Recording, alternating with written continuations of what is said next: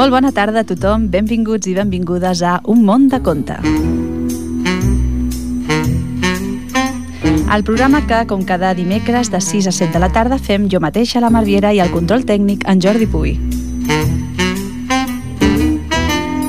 Sabeu que estem al vostre costat. Estem al 91.3 de la FM, a l'emissora municipal, a Ripollet Ràdio.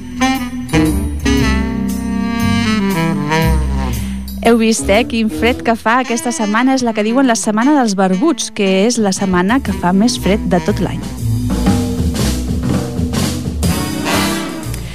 I bé, avui portem un programa especial. Evidentment, portem històries i contes a la nostra bossa que volem compartir amb vosaltres, però avui, sorpresa, tenim un convidat. Aquesta tarda estarà amb nosaltres en Javi Roldán.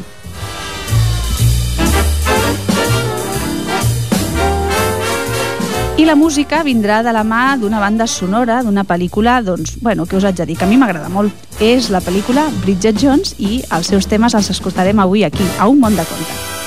Need you by my side, girls will be my pride, never be Bona tarda, Javi. Com estàs? Eh, hola, bé, bé, bé. bé? bé sí.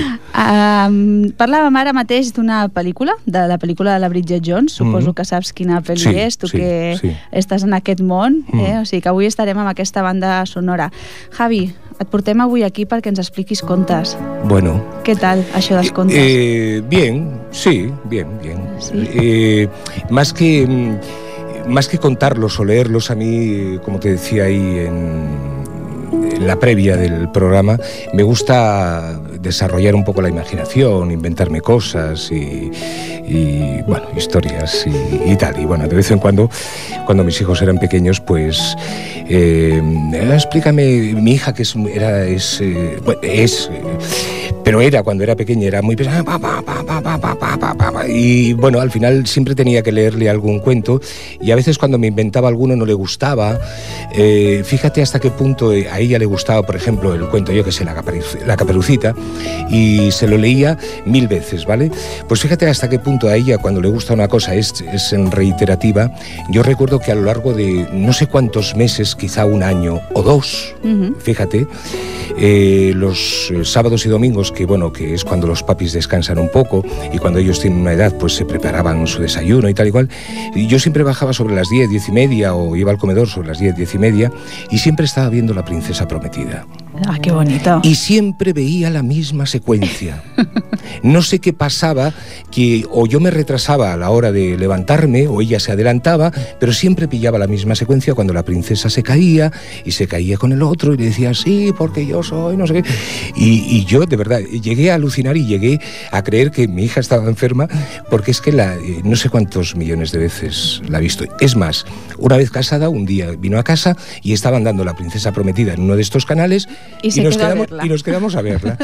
y, bueno, y nada, esas cosas que, que, bueno, que guardamos los papis, ¿no? Ahí en el corazón. ¿Y, tú, de pequeñito, qué recuerdo tienes de los cuentos? Javi, ¿te eh, explicaban cuentos? ¿Tenías algún cuento preferido? Mm, no me explicaban cuentos. ¿No te explicaban cuentos? no, no, no me explicaban cuentos. Lo que recuerdo de pequeño como una cosa extraordinaria, todavía conservo la radio.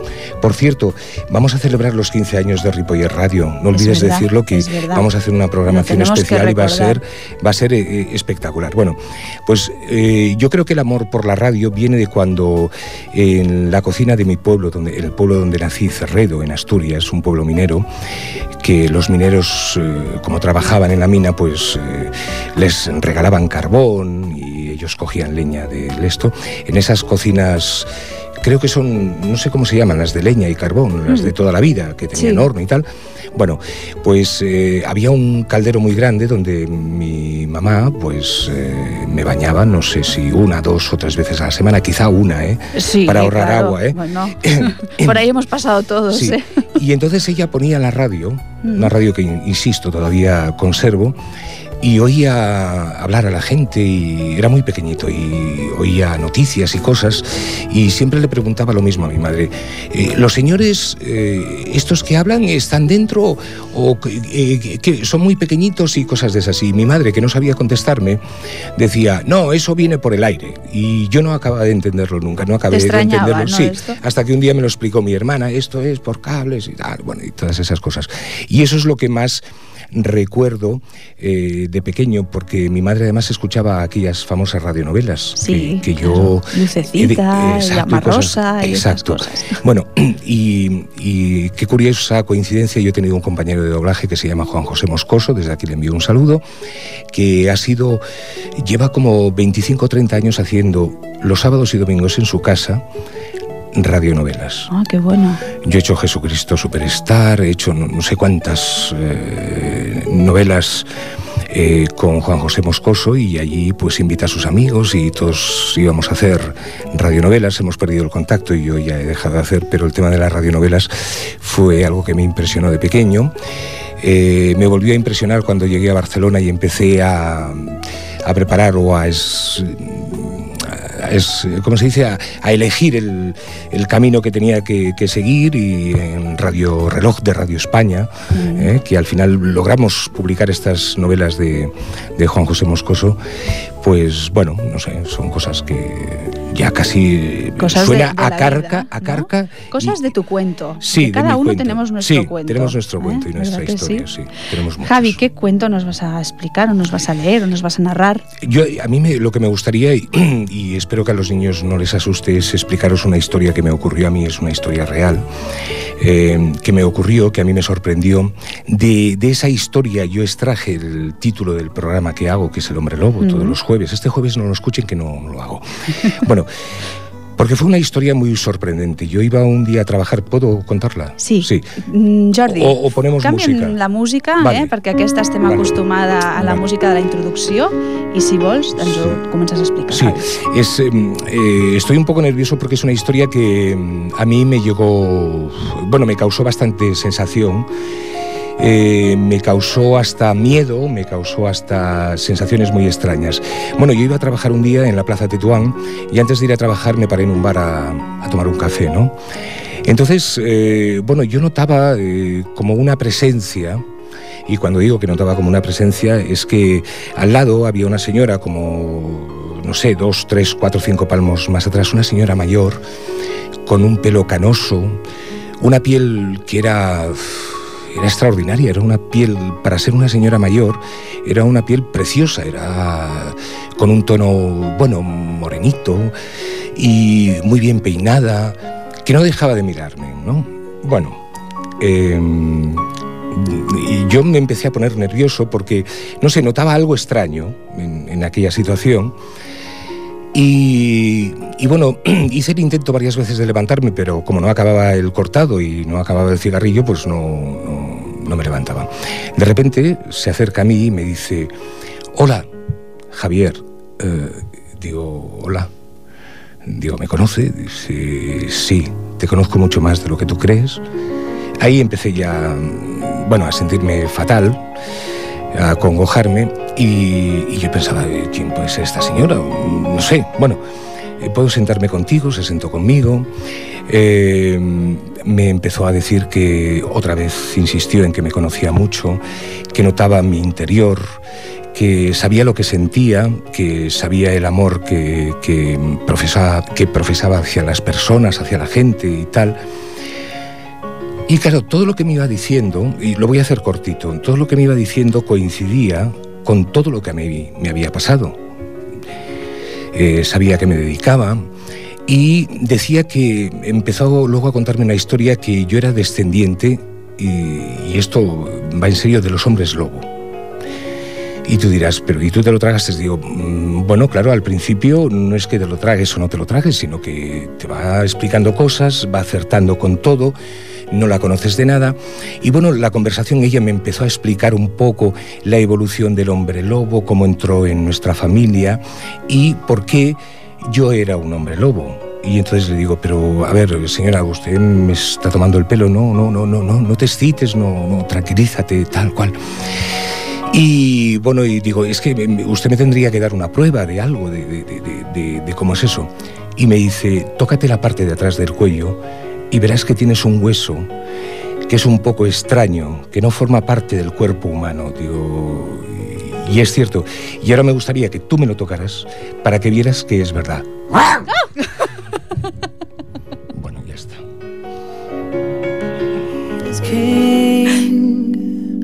crown you in my heart. Your love is king.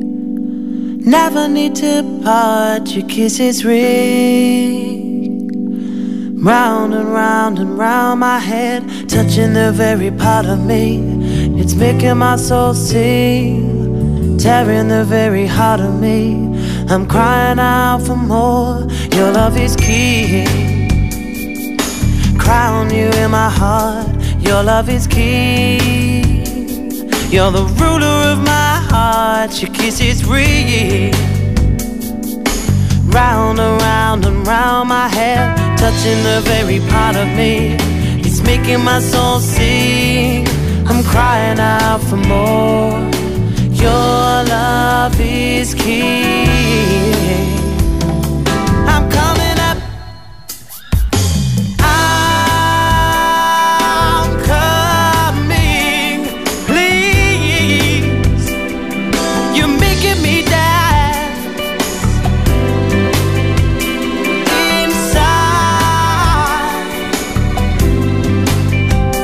Your love is king. Crown you in my heart. Your love is king. You never need to part. Your kiss is real. Round and round and round my head, touching the very part of me.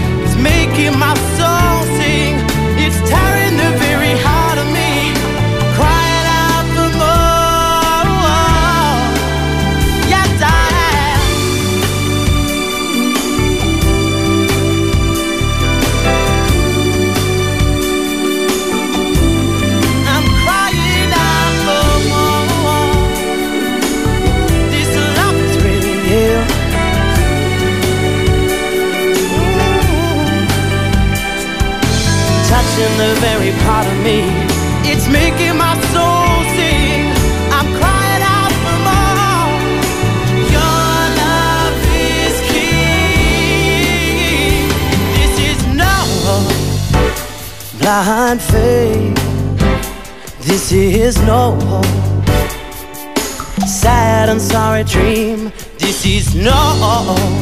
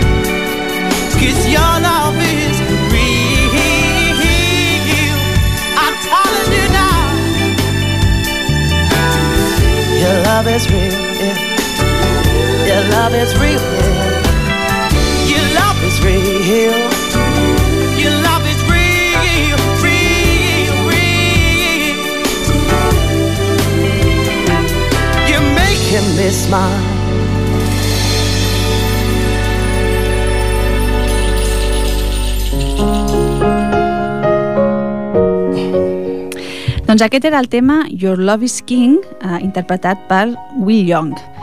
Bueno, després que te'n surt d'aquesta història que en Bueno, tenia no, no, aquest... no te, no asustado mucho, ¿no? aquí superconcentrada i que al final, pues, bueno, ja heu sentit el, el crit que he fet. doncs, eh, Javi, què ens tens preparat? Ens Sí, le- le- la cigarra y la hormiga. Ah, perfecte. Sí. Ens, agraden molt a nosaltres ¿Tú- tú- aquí. ¿Tú sabes lo que es una cigarra? Sí, Sí, ¿qué, qué es? és, és un insecto. No, no, eso sí, es- hasta ahí llego. Sí. Pero, ¿qué- qué- qué- ¿cómo es? Es como un verde, saltamontes. es como un saltamontes Vale, verde, un poquitín vale, más grande. Vale, Sí. vale. Te lo juro que... No me gustan nada. Bueno, mm, a mí los insectos, bueno, casi todos, bueno, me, me son así como indiferentes y molestos a veces, sobre todo en verano cuando te tiras Sí. al río, sobre al río y bueno, pero te lo juro que cuando empecé a, a leer lo de la cigarra y la hormiga, fui al diccionario, eh, cuando me dieron la descripción, digo, sí, las he tenido que ver, Mm, las seguro, he tenido que ver, sí, seguro. sí, ¿no? Seguro. Vale, bueno, Pues nada, sí, todo tuyo. Venga. Qué feliz era la cigarra en verano. El sol brillaba, las flores desprendían su aroma embriagador y la cigarra cantaba y cantaba. El futuro no le preocupaba lo más mínimo. El cielo era tan azul sobre su cabeza y sus canciones eran tan alegres que... Pero el verano no es eterno. Una triste mañana, la señora Cigarra fue despertada por un frío intenso. Las hojas de los árboles se habían puesto amarillas. Una lluvia helada caía del cielo gris y la bruma le entumecía las patas. Dijo, ¿qué va a ser de mí? Este invierno cruel durará mucho tiempo y moriré de hambre y frío. Y se preguntó, ¿por qué no pedirle ayuda a mi vecina la hormiga? Y luego pensó, ¿acaso tuve tiempo durante el verano de almacenar provisiones y construirme un refugio? Claro que no, tenía que cantar, pero mi canto no me alimentará. Y con el corazón latiéndole a toda velocidad, llamó a la puerta de su vecina la hormiga. ¿Qué quieres? preguntó ésta cuando vio a la cigarra ante su puerta. Y contestó, el campo está cubierto por un espeso manto de nieve y la cigarra contemplaba con envidia el confortable hogar de su vecina. Sacudiendo con dolor la nieve que helaba su pobre cuerpo, dijo lastimosamente, Tengo hambre y estoy aterida de frío. La hormiga respondió maliciosamente, ¿Qué me cuentas? ¿Qué hacías durante el verano cuando se encuentran alimentos por todas partes y es posible construir una casa? Cantaba y cantaba todo el día, respondió la cigarra. ¿Y qué? interrogó la hormiga. Pues nada, murmuró la cigarra. ¿Cantabas? Pues, ¿por qué no bailas ahora? Y con esta dura respuesta, la hormiga cerró la puerta, negando a la desdichada cigarra su refugio de calor y bienestar. Me, me he liado, ¿eh? Me he liado. Ay. ¿Qué? Bueno, una, he, he dicho, he ido añadiendo cosas como es mi costumbre y la he cagado, la he cagado. No. Pero poquito. Bueno, Otra cosa, eh, cuando le pedía a mi hijo, sabes que está dedicado un poco al cine, le pedía a mi hijo, oye, envíame cuentos, y envíame el de la cigarra y tal. Me dice, vale, y te envío un link de un trozo de la película Los lunes al sol, cuando el, el chico este de James Bond, ¿cómo se llama? El, eh, el, el Bardem, esto, cuando el Bardem le está leyendo un cuento a un- al hijo de un amigo y, y cómo hizo, digamos, cómo transformó a la hormiga en empresaria y, y a la cigarra la transformó en un pobre trabajador despistado y tal. Sí, sí, sí, sí. Fue muy gracioso. Muy. Ya está, me callo.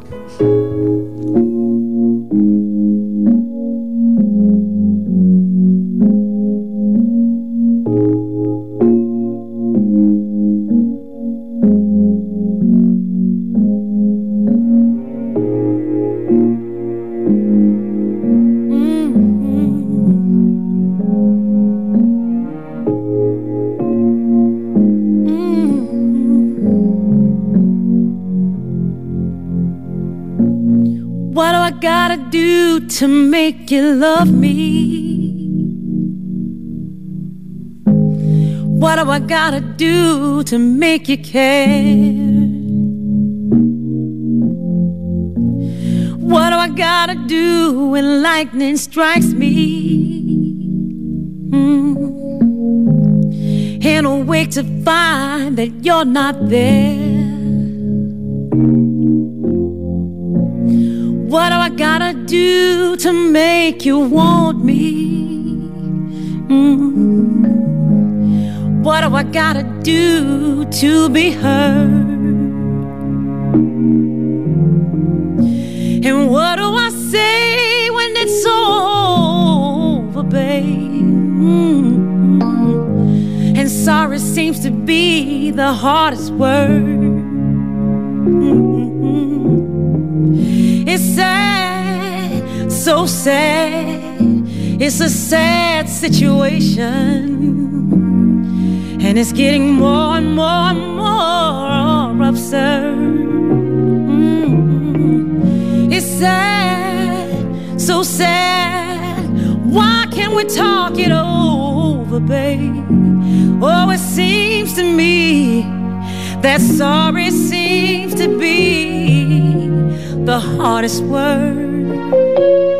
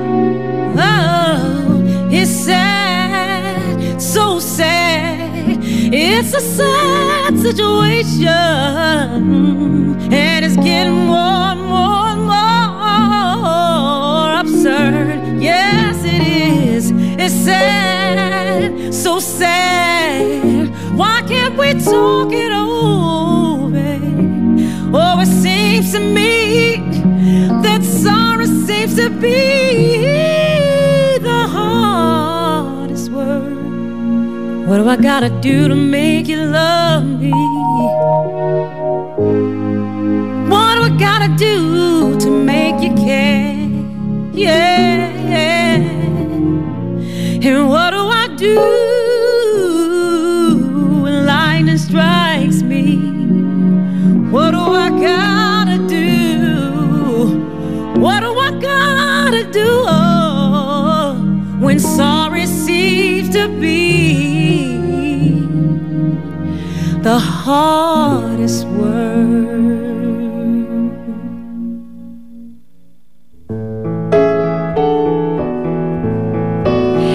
Molt bé, continuem avui en aquest Un món de conte una mica especial i ara és el meu torn. Ara us explicaré jo un conte extret d'un llibre que he agafat, com sempre, de la Biblioteca de Ripollet, a la que sempre us recomano que hi aneu, que mireu els llibres que hi ha, que agafeu llibres en préstec. I és un, conte, un, un llibre, un recull de contes que es diu Maria Castanya i tots els seus contes. I el que he triat és un que es diu Bromes pesades, i diu així. Hi havia una vegada un camperol que es deia Perot i que es va casar amb una dona del seu poble que estimava molt. La dona, que es deia Maria, també l'estimava, però era d'allò més bromista i de tant en tant li gastava alguna broma pesada al seu marit. Un dia, en Perot li va demanar aigua a la seva dona. Ella li va donar una gerra de vinagre i quan va veure la cara que va fer en Perot, quan en va veure un glob, es va cargolar de riure. Un altre dia, ell li va demanar que li cosís el botó dels pantalons i la Maria ho va fer, però només amb un parell de passades de fil. I quan en Perot es va posar a treballar al camp, el fil es va trencar i ell es va haver de passar tot el dia aguantant-se els pantalons amb una corda que li raspava el malic, mentre la Maria es feia un tip de riure cada vegada que se l'imaginava amb els pantalons als genolls. Un altre dia, quan en Perot va tornar del camp, a la tarda, la Maria va dir que no volia sopar res perquè no es trobava bé. L'endemà va passar el mateix i també el dia següent. En Perot es va començar a preocupar perquè pensava que es posaria malalta i ho va explicar a un amic seu. Ai, company, li va dir el seu amic, fa tres dies que la meva dona no menja gens i no sé què fer. Que és estrany, va contestar l'amic. Aquest matí l'he vist a la font i estava més airosa i bonica que mai.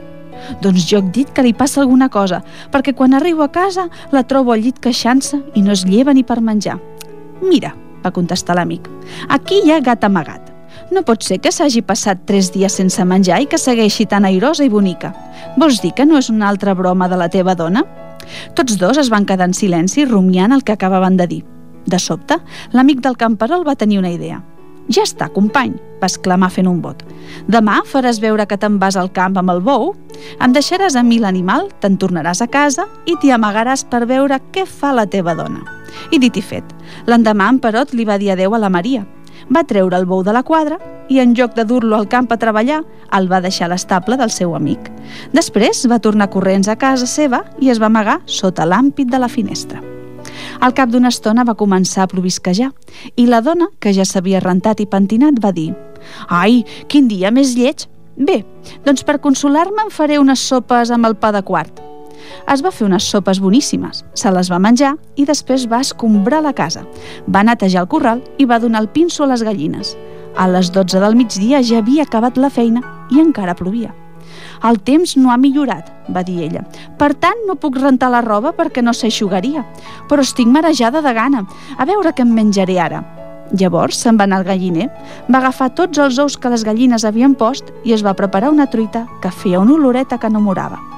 Se la va cruspir en un tres i no res i després va posar a planxar i a cosir. Mentrestant el seu marit seguia a la finestra, mirant-ho tot. Cap a les 4 de la tarda, la Maria va acabar de planxar i de cosir i va dir «Oi, tinc una gana que m'alça. Ara em menjaré el capó negre, que és el més grassonet». Se'n va tornar al corral, va agafar el capó negre, el va matar, el va plomar i el va rostir amb patates fregides. Quan va acabar, va rentar i va desar tots els atuells que havien brotat.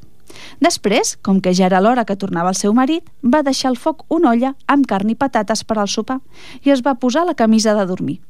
Després va col·locar un gibrell prop del llit, com si hagués de vomitar, i es va llitar fingint cara de malalta. Llavors en Perot se'n va anar a l'estable del seu company a recollir el bou i va tornar a casa seva com si vingués del camp. Quan va entrar la seva dona, va fer el gest d'aixecar-se per parar taula i li va dir «Ai, Perot, que he estat vomitant tot el dia i estic esgotada».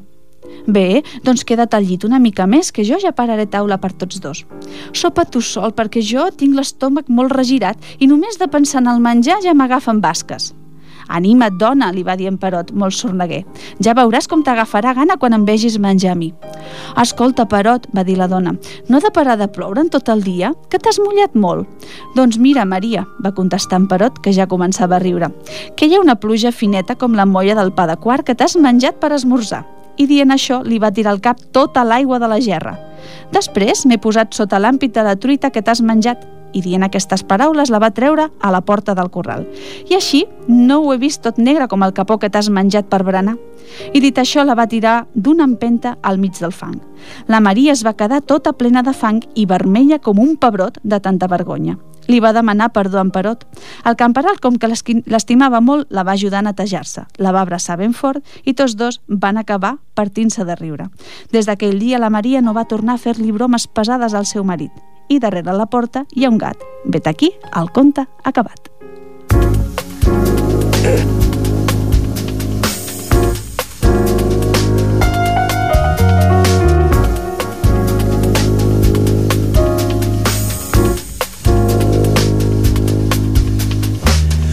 Hearts gone astray, deep in her when they go. I went away just when you needed me so. You won't regret, I'll come back begging you. Mm. Won't you forget, welcome love we once knew.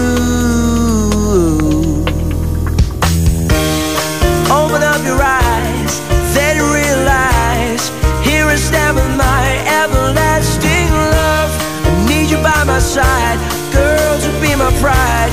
Never be denied, everlasting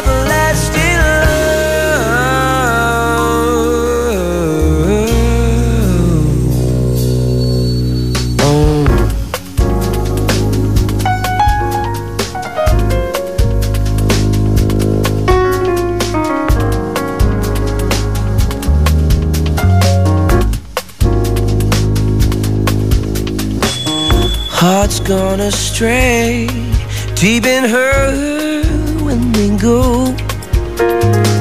I went away just when you needed me so.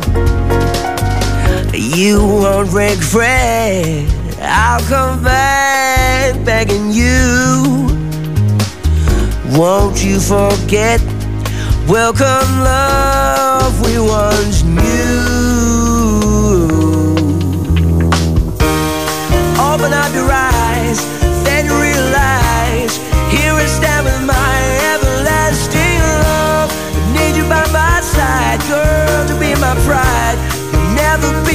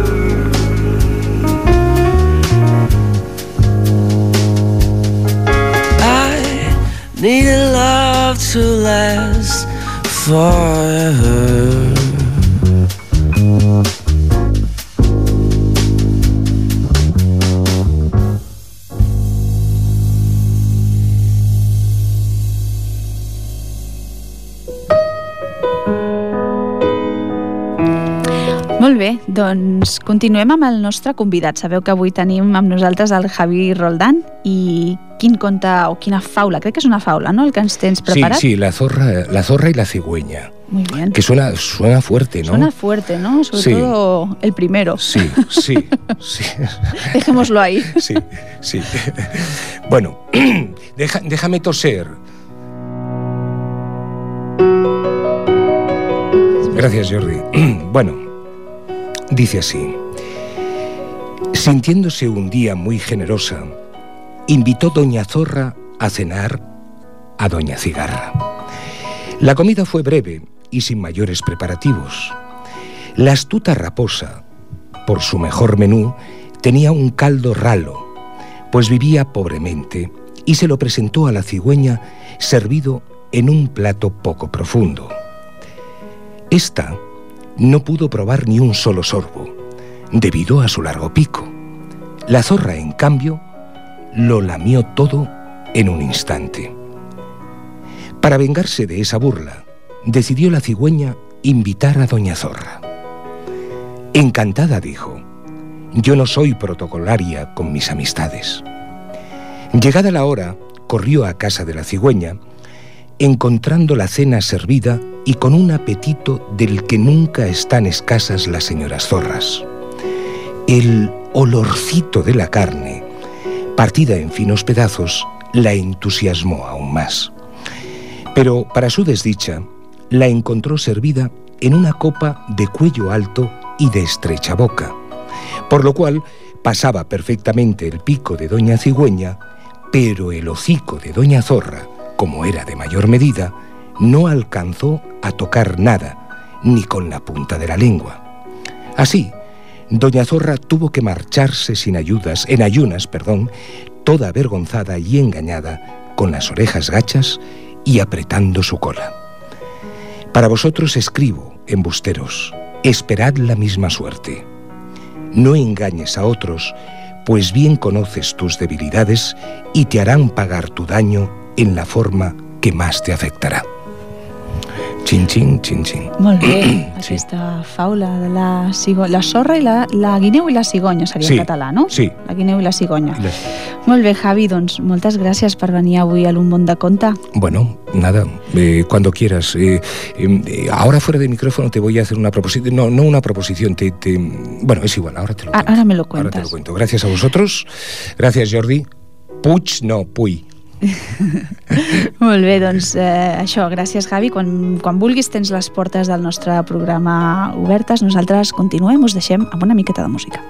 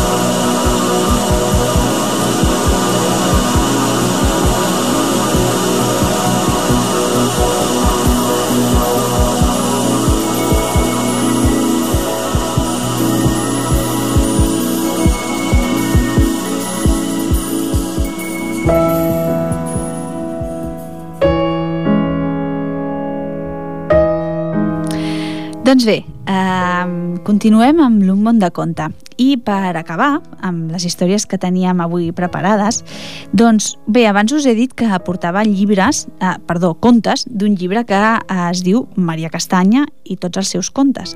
I és que moltes vegades es començaven els contes doncs, amb, aquest, eh, amb aquesta coletilla, no, que li diem en tiempos de Maria Castanya. Doncs bé, us vull explicar mitjançant una carta de la besàvia de la Maria Castanya qui era aquesta dona. I diu així.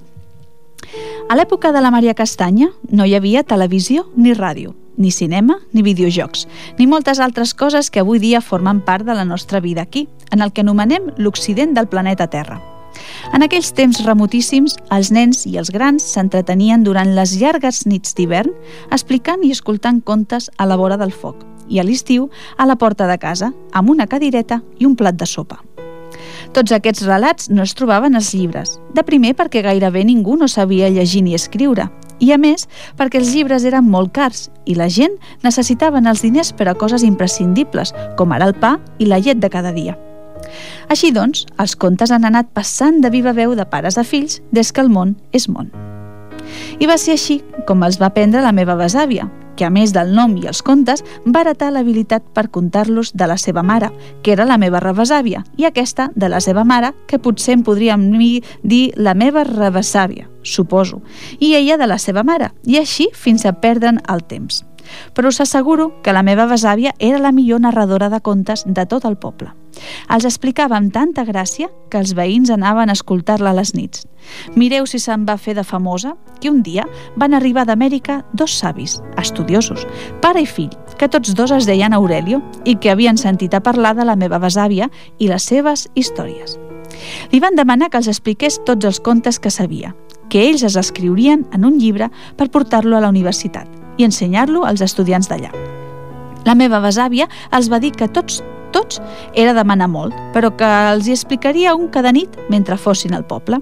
I va ser així com jo també vaig aprendre els contes que ara us expliquem, escoltant la meva àvia vis, que li deien en les seves paraules antigues que tenen gust de raïm amb formatge i fan olor de pa acabat de fer, amb els seus personatges eterns com ara pares i mares, fills i filles, reis, princeses, sabaters, llenataires, gegants, animals que parlen i pensen i molts d'altres personatges que viuen a la imaginació de tothom. Així doncs, espero que us agradin tant com a la gent del meu poble, els dos Aurelios savis i estudiosos, i a mi. Doncs aquest era el pròleg que feia la neta de la, o la besneta de la Maria Castanya. Com us he dit, eh, aquest llibre el podeu trobar a la Biblioteca Ripollet, aquest i molts altres, evidentment, molts reculls de contes, doncs, bueno, que de vegades ens recorden alguns que ja coneixíem i d'altres ens ensenyen de nou. Doncs fins aquí l'Un món de conte d'aquesta setmana. Uh, bé, espero que us hagi agradat aquest Un món de conte especial amb la presència de Javi Roldán. Per mi ha estat tot un plaer. Gràcies, Javi, un altre cop. I bé, us deixo un, amb un darrer tema de la banda sonora de la pel·lícula Bridget Jones i res més. Una abraçada i fins la propera.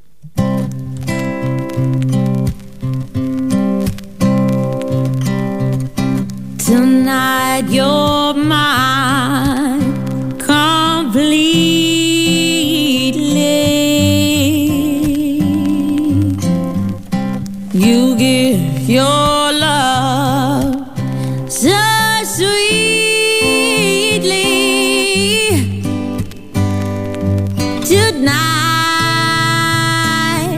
the light of love is in your eyes.